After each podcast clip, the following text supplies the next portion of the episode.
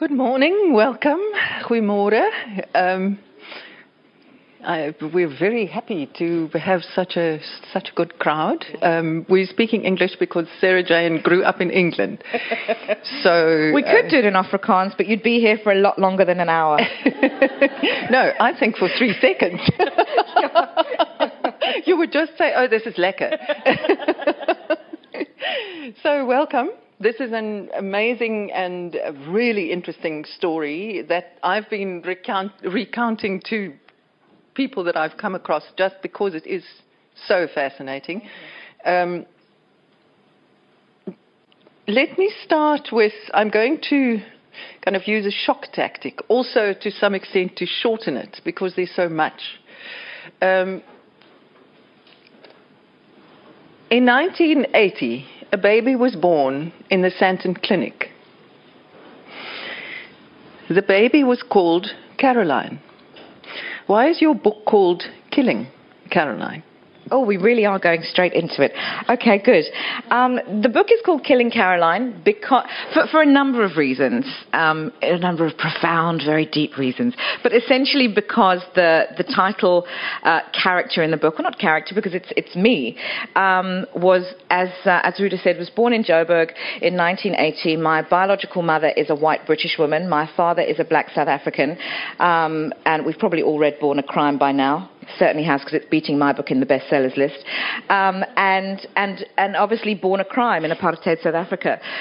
And so a plan had to be concocted for this baby um, who had been born a crime, who was neither one thing nor the other, to get out of the country. And so my biological mother and her white husband had taken me to England had me adopted in England. This is the abridged version.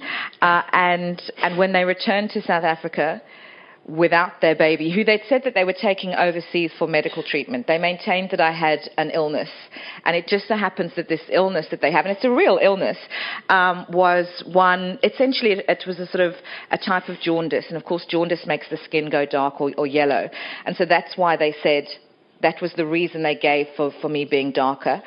Um, and they took me to the UK, said that I was going for this emergency medical treatment. And when they returned to South Africa without the baby, they had to have a reason. And the reason that they gave was that baby Karoline had died in England. There's a little bit in between that I also uh. found absolutely fascinating. Her mother did not know whose baby this was. So she mm. literally waited to see if the baby would be white. Mm. And all babies are kind of brownish, pinkish when they're born. Yeah. So it took about a month. And then only did she come clean with her husband. Huh? Mm, mm. So, I mean, born in drama. yeah, and, it, and so it continues. Tell me about growing up colored. I mean, literally well, darker. I hate that term. That is not a term. No, no, I... sorry, I didn't mean coloured in our sense. Okay. I meant darker than everyone around you in England because your parents, it sounds to me, thought that it was the best thing to just disregard it. But you seem to think that that was the worst way they could go about it. Absolutely, because I think the, the inherent thing about us as human beings, and one of the things that makes us human, um, is the sense of identity um, and and the sense of the familiar, and being able to look at our family particularly, but of course into wider society as well, and to be able to identify certain things, whether they be uh, personality traits, whether it be physical, uh, whatever it is. It's it's a sense of belonging, and I'm sure it goes. I'm sure there's some biological reasoning behind that, in, in a very base sense, that we feel the need to belong. And so to grow up black in a very, very white part of, of England in a place called Surrey, which I always say sounds like an apology. Um, it, it, um, it, was, it, it was strange. And what's, what's more interesting, I think, is that for a very long time, probably for about nine years, I didn't realize that I was black. Um, I, I, knew that my skin was a different color, but I didn't know what black meant in, in the wider concept. But I knew that I knew that my skin was a different color. I knew that my hair was different. I knew my nose was different, and I knew all these things were bad. That immediately. What, what, why? I mean, what made you think that all these things were bad? What, because that's what I was told.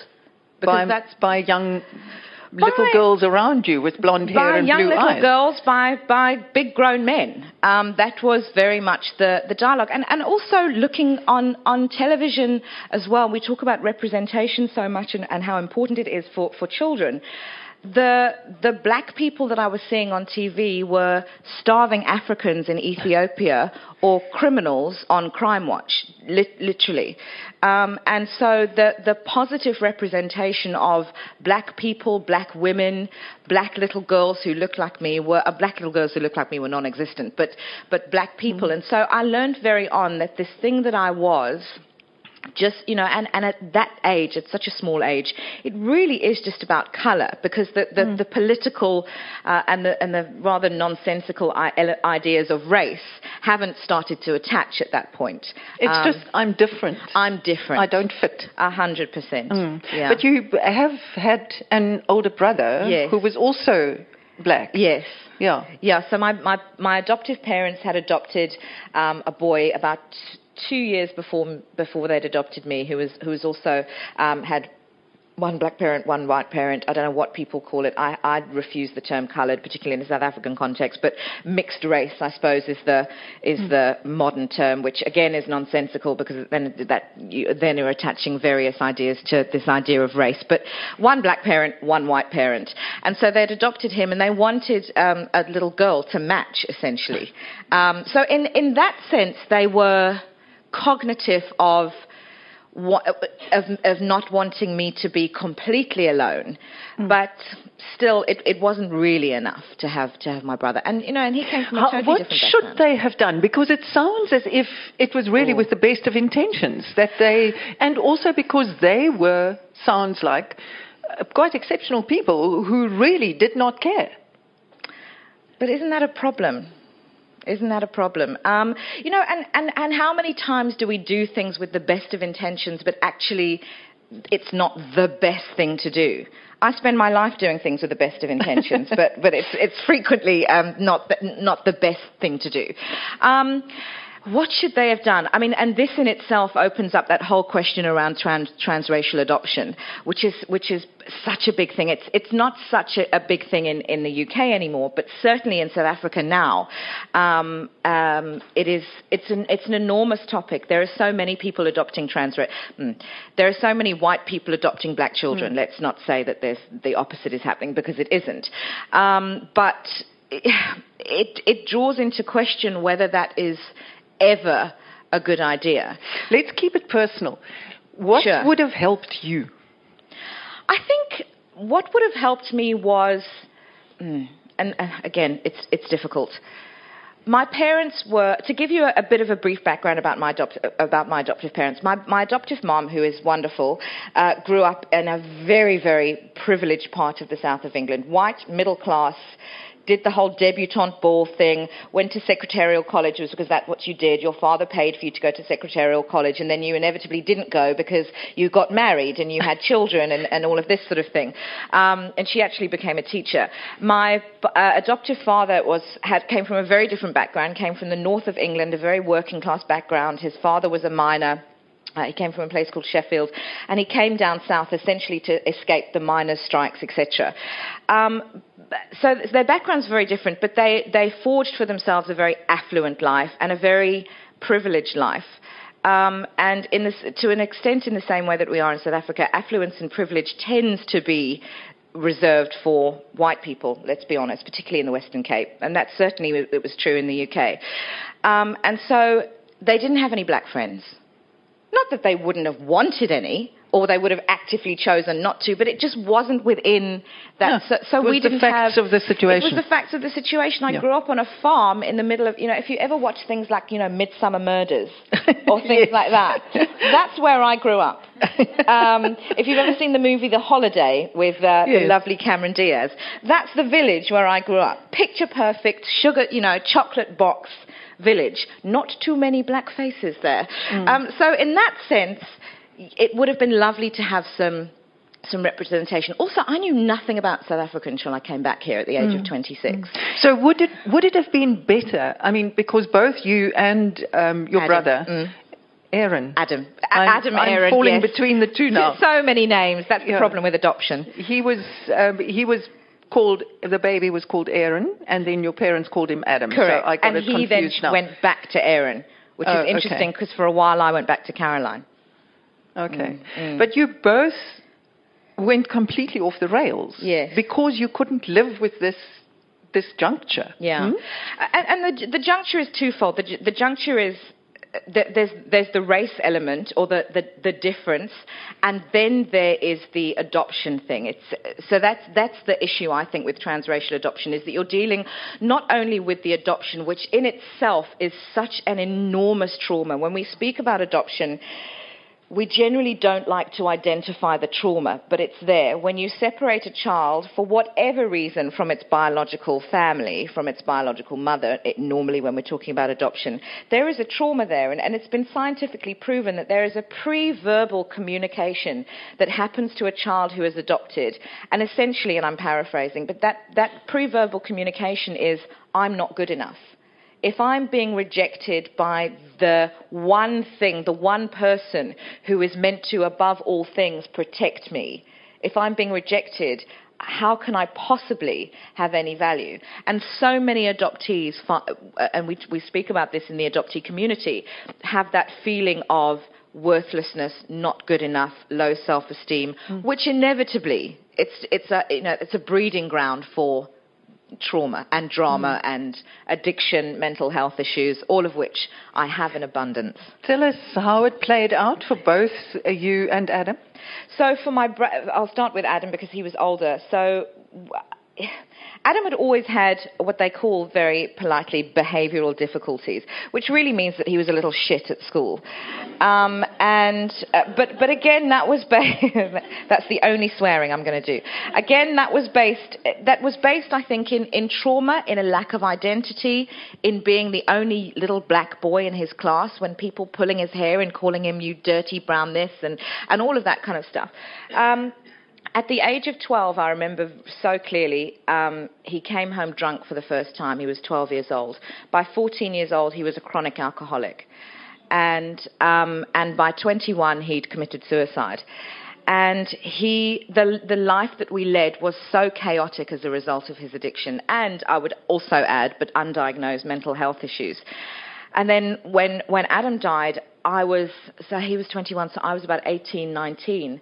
And I then started on my own destructive behavior. So it started for me with when I was about 13 with an eating disorder. Um, I was terrified of alcohol because of what I saw it doing to my brother. Um, but, but cutting self, a lot of self harm. Um, I was absent from school a lot. I couldn't. I didn't like to be in school. I was very, very academic. I did very well at school, but I didn't like to be around. I, I had a great deal of anxiety and a great deal of depression, which, in fact, the depression didn't wasn't diagnosed until I was about 26. But yeah, it, it was just there was a there was a lot of stuff. If you know, and by the time I'd I'd reached university, by the time I was 21, I'd also picked up alcohol. I'd also picked up drugs. I mean, you name it. If it was available, I would snort it, drink it, you know, lick it up off the floor, eat And- it or not eat it. Uh, uh, yes, you also had eating disorders. Yeah. And with that went the physical Oh. representation over years. Oh, the physical up, down, fat, thin. Yeah, people don't talk. We don't talk about eating disorders because they're, they're not very glamorous things to talk about. But really, um, and we don't. We also don't talk about. We, we we like to focus on addiction being drugs and alcohol because that's what we can relate to. It seems very. You know, we, we under, we've all had a you know a, a drink or two and, and felt the buzz and thought, oh, and you can see why that would be appealing to keep doing that and again and again. But when it comes to eating disorders, it's less so. Why would you want to starve yourself? Why would you want to overeat? Why would you want to overexercise? None of those have uh, the byproduct of that is nothing pleasant, um, and which is why but we it's talk also about eating alcohol as and punishing. alcohol and drugs. You can actually, you know, can you can stop. put it aside And I have. never do that. Which you I- can't yeah. stop eating. You can't stop eating. So you have to. It's it's a much more difficult thing to handle. I think. incredibly difficult. Yeah, Yeah. it's still something I battle with d- daily, daily. It's it's very very difficult, and there's a lot of shame around it. There's an enormous amount, and and that uh, again comes with with addiction, and I think comes just generally with with issues around adoption. Is this feeling of shame, not good enough, not not worth not worth worthy. Um, yeah, it's the, the, shame that comes with that, um, and you find yourself in a bit of a, a perpetual sort of circle. But in between all of that, mm. you managed to get two degrees and, uh, you know, ridiculous. I know. In the, the kind of outside world, you yeah. were presenting a, a, a, very good facade. I'm, I am a high functioning recovering addict. Let me tell you that now. High functioning. if I want you to think I'm doing well on a certain thing, I am. You know what I mean? I mean, really. If you told me to go and run up Table Mountain now, I'd, I'd do it just to prove to you that I could. Yeah, I managed to get a law degree and a master's in, in four years. How ridiculous is that? Sara Jayne was also um, chosen by the, the readers of, uh, what is it, Cape Town Experiences magazine. Yes. As the best late night presenter uh, just recently, two weeks or so oh, ago. Thank you for so mentioning that's that. fantastic. Thank you. Um, and she says she's now moved to a to a weekend slot because she wants to write another book. Is writing? It's nearly done. No, two. Um, at some stage, you uh, you were living with someone and you uh, made a move to Dubai. Yeah. How did that happen and oh, why? Dear. It happened on a, well, I can tell you how it happened. It happened on a drunken job application um, probably high as a kite. I honestly can't remember. I just I remember being online one evening and there was a job opportunity that came up in Dubai, and and my life where I was at the time was starting to unravel, as it tends to do when you're in addiction. Mm. Um, things start unraveling. So what we tend to do as addicts is move to places. It's we call it doing a geographical. But unfortunately, there's something in there that's not going in. Is that when you move somewhere, you take you with you. Mm. Um, so all the problems that you have go with you. So I moved to Dubai thinking this is going to be hugely glamorous. You know, I always used, I always had that song in my head, if my friends could see me now. And everywhere I went, I'd think, oh, if my friends could see me now living this glamorous life. And of course, all of it was nonsense um, because Dubai is an unequivocal hellhole, number one. um, and, uh, and, and two, I was very, very unwell. Mm. Um, it, this was at the height of my addiction, the height of my eating disorder undiagnosed bipolar, um, and it was it was quite hectic. But it was such a it was a very significant move. It was a mm. very significant mm. move. Mm. Sorry, I. you always have to have a little a little safety net, a, little? A, a, list of crib notes, and uh, you. How did you find out what your what your real history was? Because your your mother didn't tell you. Um, Oh, it wasn't that she didn't tell me in the way that, in a kind of bold and the beautiful way, and, and I never knew. Of course I knew. And by the time you get to about 12, 13, and you're black and your parents are white, you know, even if you're not the sharpest tool in the box, you've kind of worked out that something's not right, quite right. We always knew, both of us, that we were adopted. We mm. always knew it. And to their credit, they had told us that in such a way that I can't remember ever not knowing the word mm. adoption. Mm. Um, our stories were very different, but my story, I, I just knew that I came from this place called Africa uh, not even not even South Africa, just Africa, which I thought was a country until I was about ten. Um, I came from this country of Africa, and and my image of Africa, thanks to largely the Telegraph newspaper and its little cutouts of "Please give money to the Ethiopians," was it's dusty and dirty, and and it's poor. Um, and so that the history of my, the specifics of my adoption, mm. no, I didn't know. I knew there was a woman called Chris. Um, and I knew that for some reason that I couldn't quite put my finger on, she'd had to give up her baby. But it was framed in a very, she did a good thing. She did a good thing for you. Because imagine if she hadn't done that, where you would have ended up. And then mm. you found a letter. Oh dear.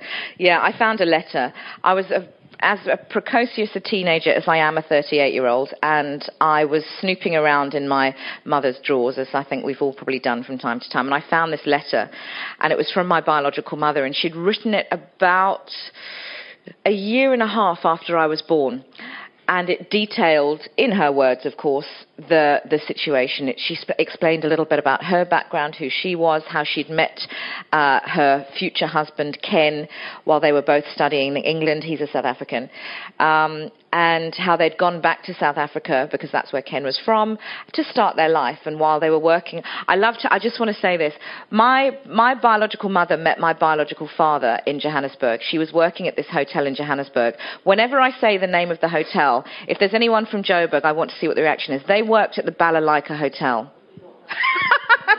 I'm never wrong. There's always oh. Oh yes. ah yes. and suddenly it all becomes clear because I gather that shenanigans used to go on at the Balalaika Hotel, shenanigans of note. So yes, um, I she, she she detailed in the letter everything from her perspective, of course, that had that had happened, and it was I have to say it was a very thoughtful, kind, very sad letter, mm. but but certainly. How did that affect you? Knowing knowing that bit of the, of the story, of the history? My immediate reaction was she had a choice. Mm. I couldn't get my head around why she wouldn't have just left South Africa. Mm. I, it, and, and to this day, I still ask that question. Mm. Um, I don't have children of my own, but I. I have a dog, and that's pretty much the same thing, isn't it? And I know that if uh, I know that if if the choice was between me giving up my digest, but but really, I, couldn't get my head mm. around this idea that there was an option, mm. but that she chose not to. Not to. She chose mm. her husband. She chose South Africa. She chose anything but me. I, am not quite mm. sure. Yeah, it was. It was. Mm. It was hard. Again, I should just point out that the political aspect of my birth and my existence and my adoption still wasn't I still didn't fully understand. I didn't really understand apartheid. So but, but from a very human level, excuse me, I couldn't understand why she, as a mother, hadn't simply said, then I go back to England and I raise my baby. Mm. You contacted the adoption agency then mm. at the age of 21. Was mm. that when it was legally possible? No, it was legally possible from I 18, think from the age probably. of about 18. Yeah. But even but with your parents' permission, um, I mean, you can you could have I could have done it earlier. Um, but I just, I ne- it was never an issue for me. I, I was kind of getting on with my own life, far too busy taking drugs, to worry about whether I, th- this woman, and, mm. and also I should point out, in the, in the years following my adoption, my biological mother had, over the years, sent a couple of letters to the adoption agency giving her address. So I always thought, well, this is her keeping an avenue open. So I, I don't, I'm not in a hurry. It's not like I have to hunt this woman down because we know where she is or we can very easily find out. Um, so yeah, it was when I was 21, I was just about to go to varsity. And I thought, I sort of had six weeks before I was due to go, and I thought, let me do this. N- now is the time. Now, now feels right. And what response did you get? Oh dear. Mm not good. I remember being, I, I, wrote the letter to her, and everything went through the adoption agency and, and whatever. And I wrote this very heartfelt letter, and in it, and I, I so regret writing that letter now because I, I took on her shame and her guilt. And I kind of forgave her for everything, when actually that wasn't really how I felt. I just didn't want to be rejected again. I didn't want to go in guns a blazing and have her reject me. So I went in very tentatively, and it's fine, and I understand, and da da da. And my first week at university, I'd gone back home to get my washing done by my mum, spoilt, and I, she said, "There's a letter for you here," and it was from my biological mother. And in it, she basically said, You were the worst mistake I ever made. Don't contact me again. And I just, I think, I think for about two days, I was absolutely crushed and beside mm. myself and cried. And then thereafter, I just buried it. Mm. I buried it and I drank on it and I cut on it and I over-exercised and binged and purged and got into inappropriate relationships and I, I buried it deep, deep down because it was so painful. Mm. You're the worst mistake I ever made, she said. Mm. You got the same kind of response from her parents because oh, you went through people. them to get to her. Yeah. And they also said. They said, We've made a family decision and we don't want anything to do with you. And I thought, this is, and, and, and also she was able to hide behind her family a lot. I was able to learn quite a lot about her through her family. Um, but, but they, they built up a wall mm. and they were not going to have anything to do with me.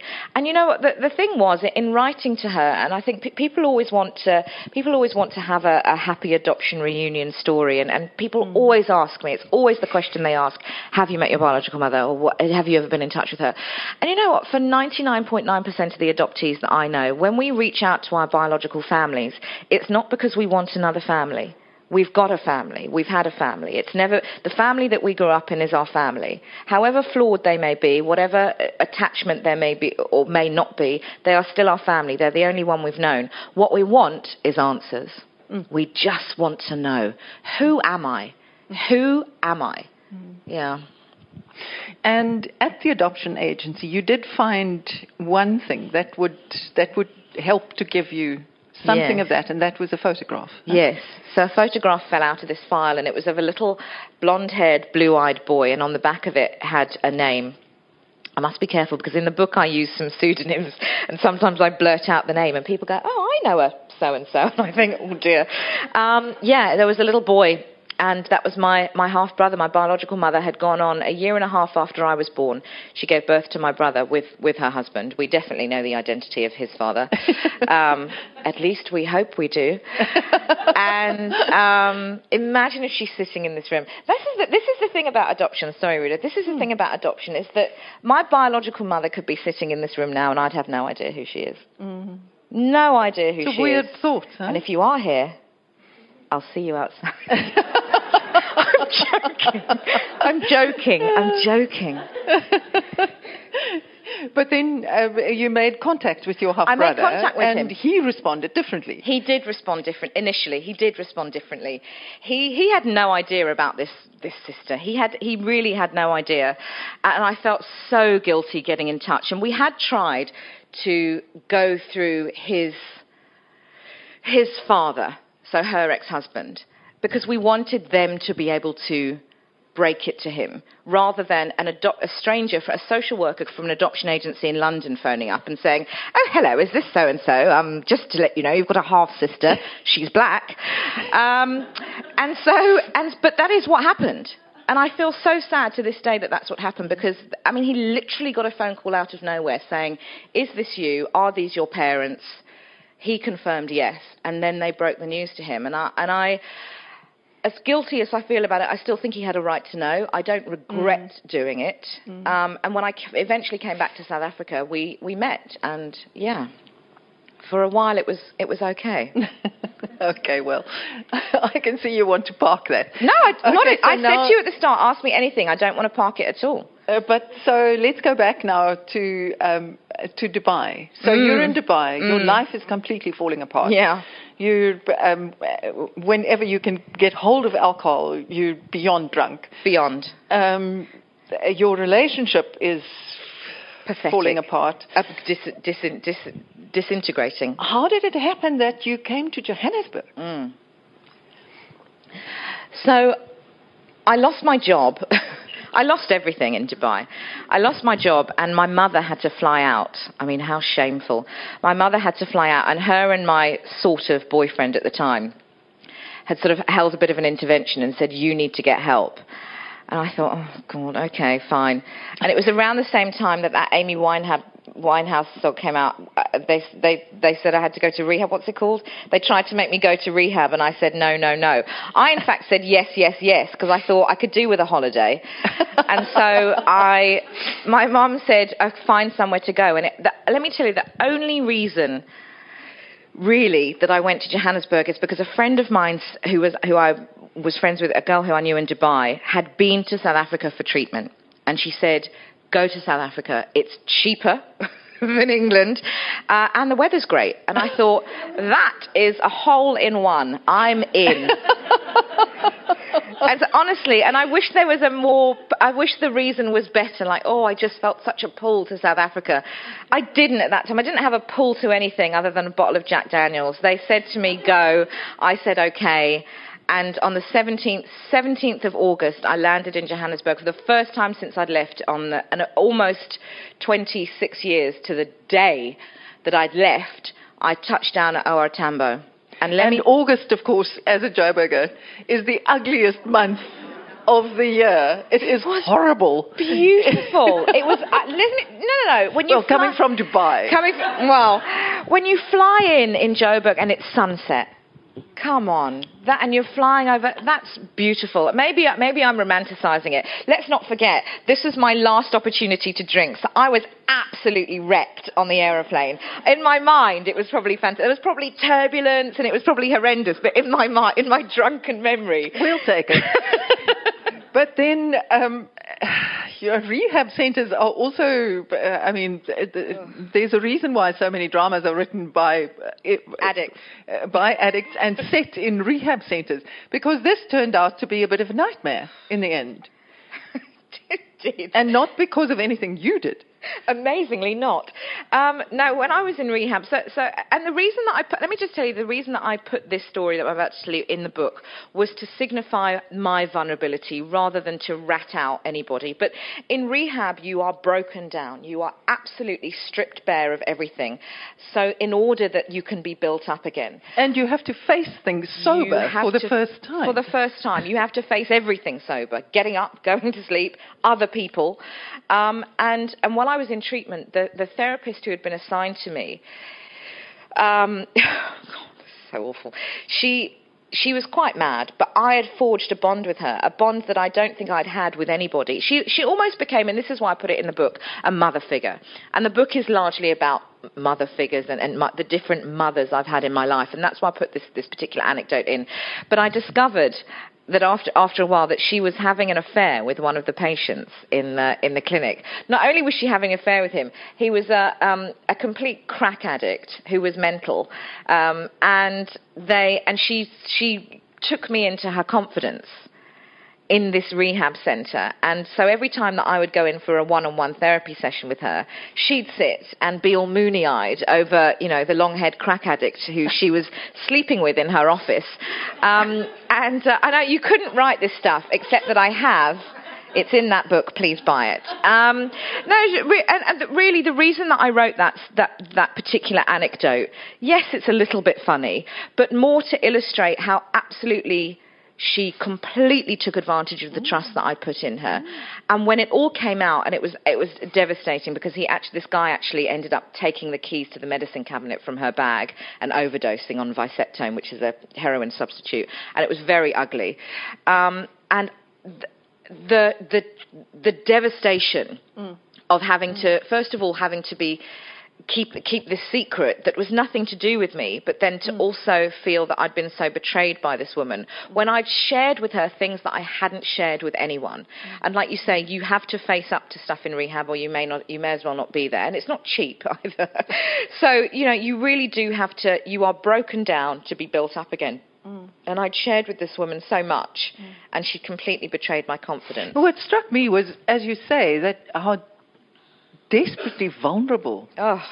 um, people are in that kind of Absolutely. situation. And if you then betray them, uh, in whatever way. I mean, this is a very dramatic example, yeah. but it's just unforgivable. Yeah, yeah. And then, but then you transferred to a place in Cape Town. Mm, mm. I transferred to a place in Cape Town, um, when, and I was in treatment for a total of eight months. Mm. Eight months. That Sara Jayne, how difficult is it to, to come back from that, from that kind of addiction? The difficult part isn't necessarily the coming back. The difficult part is the keeping where you are. Mm. It's the stuff that happens after. It's li- it's life, isn't it? Life's difficult. Um, coming clean, you know, and I've been I've been clean and sober now. It will be 13 years on this August the 17th, and I haven't taken a drink, drug, anything. Um, that initially, yes, it's very tough. Initially, very in the very early stages, but then you find ways to, to deal with the drugs and the alcohol and not having those, and, and all those very um, destructive behaviours. But what then you realise is that actually the issue wasn't drugs at all. Mm. The issue wasn't alcohol at all. The problem was the problem was me, and the problem was was was all the other stuff.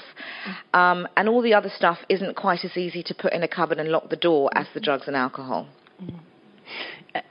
And how do you deal? Because this is, I mean, it, it, it is a daily a daily thing. Listen, I mean, I, I, at the risk of breaking anonymity, I, I go to you know various meetings that are held in churches and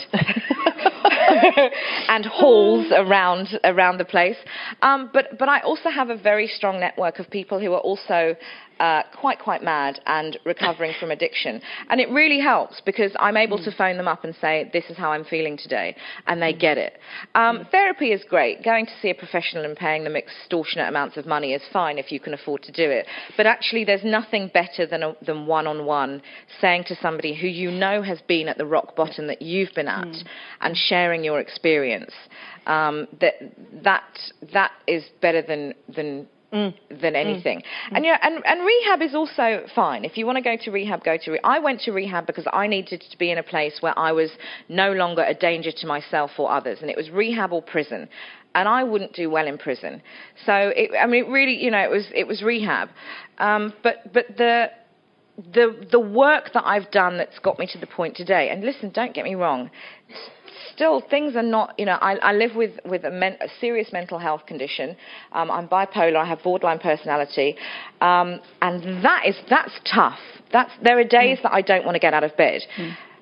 Really, there are days that I still want to take a blade to my arms and hack them to pieces. I don't these days, but I feel that. There are days when I'm suicidal and I have to go into a clinic and doctors have to look after me. And I have no shame about talking about any of that because there are other people who are also mm. experiencing. And if mm. I don't talk about it, who is going to talk about it? Mm. Who is going to sit there and say, you know what? I woke up the other morning and I literally wanted to kill myself. Mm. I didn't, but I felt like it. That's how bad I felt. I've got no shame talking about it at all. And I think that is also the key to my recovery, is that I've thrown the shame away. I can't, yeah. shame and recovery cannot coexist. Get it's beyond simply not possible. Mm. A hundred percent. Mm. Yeah. Mm. I've seen that also with PTSD. You know, South Africa, especially. I mean, this is a mm. white audience. How many of the men have been? You must all have been to the army. You're all. Um, if I didn't paint it, I would have the same color hair. Uh, and uh, I mean, the whole border war experience yeah. here and the, the people who come back from that. And I've heard so many, talk to so many of them who say exactly the same thing that I cannot speak to a therapist who's half my age, yep. know nothing, uh, knows yep. nothing about this, but I can speak to someone who was there. Exactly. And, and who can really say, I understand. Exactly. Yeah. Mm, mm. So uh, tell me about connecting with, uh, you call him Alex in the book, uh, your half brother, and then there's a, there's a whole bigger family there. Mm. So I, I, I first met my half brother, I was still in treatment. I was still in rehab and I'd got a pass to go out. they don't like you to just go wandering around the streets. It's not sensible. But I got a pass to go out and we'd been communicating via email for maybe a couple of years at that point. Even I think just I, just as I moved to Dubai, we got in touch. And then I was in treatment and, and we got in touch and he, he'd been sailing around the world as Capetonians do, as Bishop's boys do. And, uh, and he came back and, and we met for the first time in, oh, 2007, I guess it was, and we met at Rick's. I remember it so clearly at Rick's Cafe in Gardens in Cape Town, and I just remember sitting there, and it was it was raining. So it, what was it? It must have been around August, September. So it was raining, a miserable Cape Town evening, and there was this plastic sheeting over the thing. This rain was sort of pattering against the the plastic and as I, I saw him walking towards me and for the first time in my life I saw someone who looked like me and that's a very strange thing to say, to say that this, you know, this white, blonde, white South African male looked like me. But I looked into his eyes and I could see my eyes and my smile and, and my forehead. And I thought, oh, this is the best moment of my life. It was phenomenal. And he sat down at the table and, and we sort of, we shook hands. I should say about Alex is that Alex as similar as we are in some ways, we are very different in others. I'm hugely emotional. Alex is a lot more together because they teach that to you at Bishops, don't they? They teach you to be very together, not to show your emotion. Um, and uh, and he was very kind of together, and I was all over the place. And and we we for for for ten years we. We had a relationship. We, we certainly tried to have a relationship. Mm. And then? And then I wrote a book. Oh dear. And then I wrote a book um, which outed his entire family as not being particularly nice people, and and and outed his mother because don't forget, I should just yeah. say that the lie of our baby died that had continued. Even once apartheid was over, there was no point at which they then came out and said, we told a terrible lie, this was the reality. That lie continued and would have continued if I'd never come back, and people would have believed that. Your uh, Ken's uh, parents, did, did they also believe that their grandchild had died? Rita, I, I, I, initially, yes. I'm not quite sure. I, Where they're at now? No. I'm, I'm, I met Ken. So Ken is my biological mother's husband, husband or was husband. Yeah. Um, and he was the guy who thought this that I, for a long time I was his baby. Well, for, certainly for three three weeks of my life. I'm not sure. I, I met the, I met his his his father once in a very very awkward moment at a wedding, and he literally looked like he wished the floor could open up and, and cave in. But I I don't know. This is the problem with you know secrets and lies. Mm is is that you it never quite and reverberates. You never quite know who who knows what. And then there was a very last chapter which happened through Twitter. Thank goodness. Let's be clear, it happened through Black Twitter. Black Twitter is a very different beast to Twitter. Black Twitter is where we all galvanize and talk about you. No, I'm ju- it's not. Black Twitter. I'm learning Zulu. That is actually true. Black, it, it really is, though, isn't it? Black Twitter is, is a movement. It's a thing that happens. Um, and, and so I did an interview, after the book came out, I did an interview on Cape Talk, where I work, with Koketso Sachane, who was at the time standing in for Eusebius. Uh, and so it was going on Cape Talk and 702. We're having a conversation about the book, and during an ad break, he said to me, um, "Do you want to give the real name of your dad? Because I'd use pseudonym or your biological father. I'd use pseudonyms in the book to protect the innocent and the not so innocent." And so I said. I don't know. I don't. I, I was so terrified that I was now going to disrupt somebody else's life. And he said, SJ, just just do it. He said, You've written this book and that has been a great thing. He said, but I can see to, for you, you're so desperate to find your dad. So I gave his real name, and within 24 hours, Black Twitter had galvanized. Somebody had sent me an, a message in my inbox, and it just had a name and a telephone number. And they said, Could this be your father? Within 24 hours, less than 24 hours. And so I phoned the number, my, my boyfriend phoned the number actually, and we were sitting in, in our house and sitting in our bedroom, and he was phoning, and he said, he phoned and he said, is this, is this Mr. Makwala and did you used to work at the Balalaika Hotel? And my dad said, no. and so we, I was devastated and I thought, well, that's it. Because I'd hired private investigators to find him. Nobody could find him. Just as we were about to put the, put the phone down, my dad said, well, it was a really long time ago. and so, and in that moment, and I knew, and I grabbed the phone and I just burst into tears, and I said, "I'm your daughter," and and his his first, I said I wasn't going to swear again, but I'm I'm quoting someone, so I'm allowed. His reaction when I said, "I'm your daughter," you had a relationship with Chris so and so in 1980. He said, "Oh shit." yeah, yeah, oh shit. And and a week later we met in Joburg, and I met my biological father. And describe that, that moment. Was, ah, well, that I thought meeting Alex was the best moment of my life. Meeting my dad, that was the best moment of my life. And have they, uh, there were pictures, they have accepted you? 150%. They are just the most incredible, wonderful, accepting, not even, I hate the word accepting because it sounds like there's something to be accepting of, but they have welcomed me. I am part of the family. Um, I've got two brothers and a sister. We speak probably most day on the most days on the phone, and I look like all of them. I really look like all, of which is just which I love. I love that. I love that I look. I love that I know where my the little gap in my front teeth comes from. I love that I know where the frown lines come from, and I love that I know where my you know, just I, I, love that I have an identity, and it's not that I didn't have one before, but it's that now my identity has roots. My last question before I hand over to, uh, to the audience your adoptive mum. Yeah. How has she responded? Mm, that's a tough one. I always wish when I get asked that question that we could Skype her in because, again, you, you never quite know. I can only I can only go on how I think. she loves me to, to, to death. You know, I'm her child. However, it must be diff- all I will say is it must be difficult. It must be difficult. She met my dad at Christmas. She she flew out from, from England and I was in Christmas uh, I was in Joburg for Christmas. And she met my dad. Imagine that. Mom meet dad. It was really like that. We were at the Mon- at Montecasino and it was the most surreal moment as my mom met my dad. And I it was awkward. I'm not going to lie. It was, it was awkward and it was tough and it was difficult and I wanted it to be over. But it had to happen because these are, this is who my life is. My life isn't my biological mother.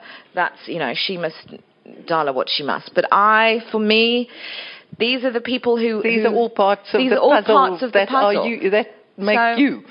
Yes. Yeah, I should probably ask her one day, but we, you know, it's difficult. Mm. It's difficult. She's very supportive, though. Questions from you?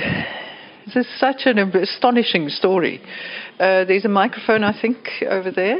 Um, but this is actually a good environment one can hear. Yes, it's lovely. Not a single question. Question? I don't Please. believe it. There. Um, I just wondered, before you published the book, did you tell Alex that you'd written it and that he was going to be in it? Yes. Okay. Yes. And did he immediately? he said, no, no, no, not, not immediately. We went for dinner. Uh, and I said, "This is the book," and he said, "We support you 100%." And then, over a few weeks, it became less. I get it. It's it's hard. It's hard to hear these things about your parent. It's hard if you are, which is another reason I changed the names. If you don't know who they are, you don't know who they are. If you do know who you, they are, you do know who they are. Um, I didn't want to cause him any unnecessary angst, but nobody's forcing him to read the book. And, and, nobody, and nobody knows who he is unless they do, in which case they know the story already. One day I hope he'll be okay. So you don't see each other now? No. At the moment? No. Mm. Mm. It's okay. At the back there? Your biological father knew nothing about you? He actually did. He and this is this has been another thing. Thank you for that question. In in meeting him, I've learnt so much about the first six weeks of my life. My biological mother took me to go and see him. He was still working at the Balalaika. Took me into I don't know into the kitchen somewhere uh, to go and uh, he was the head chef to go and see. And and she, he says to me, he's he's told this story that she was holding me and there was a blanket covering me, and he pulled the and it was August, you know, it's cold in Joburg.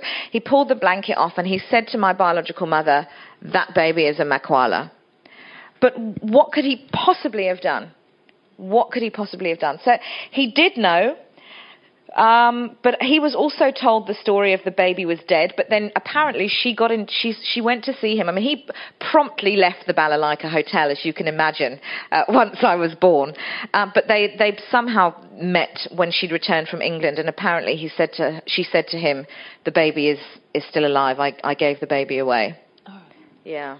Oh, so he knew that Yeah. all these years. He said to me that he was that a friend of his had said when she's 21 she'll come and find you and he said to me that 21 came and went and 25 came and went and 30 came and went and 35 came and went and he thought no never Mm. and then there she was hello I'll speak loudly. Uh, You, you were born in South Africa, you grew up in England, you live in South Africa now. Do you feel a sense of home in South Do you have that a sense of familiarity or South Africa is home 100% South Africa is is home. I can't I can't even describe it. I wish I could be a lot more articulate around it, but in fact, and when I when those wheels touched down on the 17th of August 2007, literally as the wheels touched down at OR Tambo, I felt like I was home, and I can't explain that. I've always felt at home, and it's strange because I sound the way I do, um, and I don't speak, to my shame, I don't speak any other, I don't speak any South African languages, and yet I still feel at home. Yeah, I can't explain it. I just do. It's because here we're such a bont spul. You know, we look, we all look different, and we all, and we're so used to people looking different and having different backgrounds. And there's, I think it is easier. We don't expect people to all fit into the same box. You know, you say that, Ruda, but what's, what's interesting is that people still raise an eyebrow to somebody who is a, mixed race. There's a, there's a difference between we know we can deal with black, that's that. White, okay, yeah, got that. Coloured, yeah, I mean, we've made that term up and it's a complete nonsense, but we know what that looks like. People don't know what to do with this. It still really baffles people. This, because there's not many of us. There, when I came back to South Africa, I thought there's going to be loads of mixed race people because I was ignorant and didn't know anything. But of course, there aren't loads. There's me and Trevor Noah. Um, we are the who best have, of friends. Who have said anything? Who have, I mean, who, who, who've said anything, but there, Yeah. there really aren't as many as there should be, as you would imagine. The, where it literally is your mother is black, or your one parent is black and one is white. There's not a lot of that. There's more of us happening. Look out for us, because there's, there's a lot more happening. But, but really, there is still something as much as we, and I, I can say this as the person, and I get to view people's reactions and I get to see the raised eyebrows, there is still a stigma to black and white relationships in South Africa. Let's not kid We can't kid ourselves about it. We, mm. we can't pretend it's not an issue. Even I do a double take when I see an interracial couple. I do. I can't help it. More questions? No, not in England. No. No. No. Probably midway between the two. I really don't think it's a great success. I really as, but, but you're speaking as a white person. What is your experience as a person who is? Yeah, I, I don't Yeah, think okay, we. we'll disag- uh, we'll- we'll agree to no, disagree. You know, one would have to do enormous One have to- sociological yes, uh, we'll research disagree. to establish. Um, other questions? At the back there. Thank you. I think your top's amazing.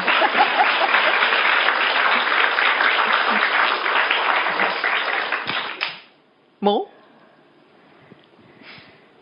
I appreciated your comment on your on your mental Yeah, please take please take the mic because I don't think people at the back can hear. I did appreciate your comments about your mental health. And the reason I'm saying that is because I'm suffering from the same thing. Sure. And uh, the change came when I made peace with it. And I said, that's part of me. I, I don't have to be ashamed of it. I just have to live with it. Yeah. And I must manage it. Yes. If you don't manage it, it can be very dangerous. Very. So what you've said there, I've also experienced many times. So thank you. Thank you. Thank you very much. Thanks. Yeah. Thank you. Thanks.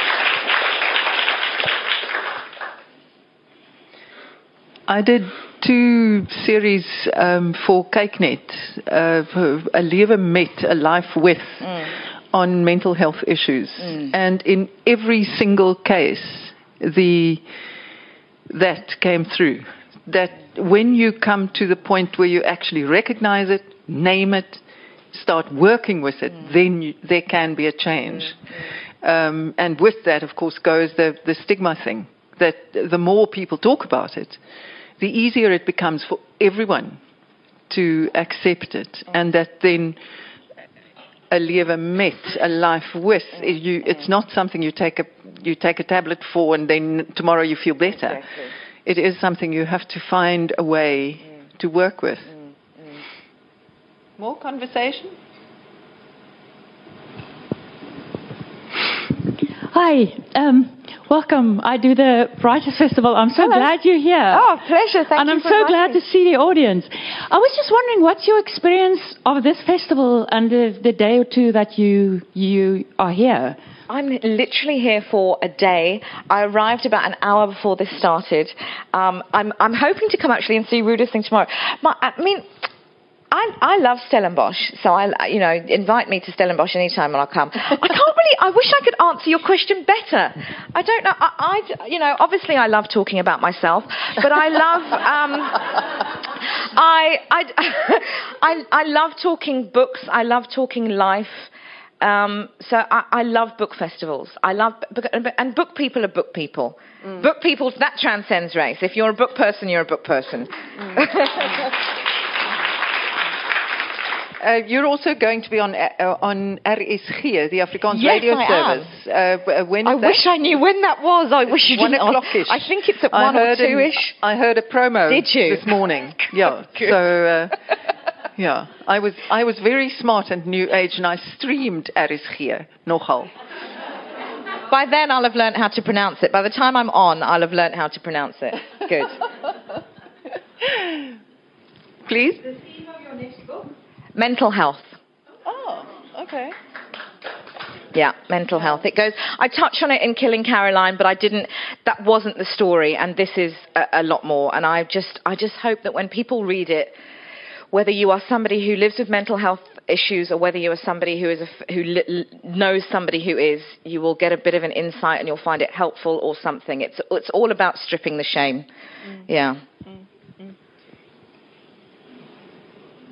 Okay, thank you so much. Thank it you was so much. Most enjoyable. Lovely conversation. Thank you so much. yeah. Thank you so much. Sara Jayne will be outside to uh, sign books if you want. There's a there's a book table. You would have seen it uh, coming up the stairs. Thank you all for sharing this time and enjoy the festival. Thank you.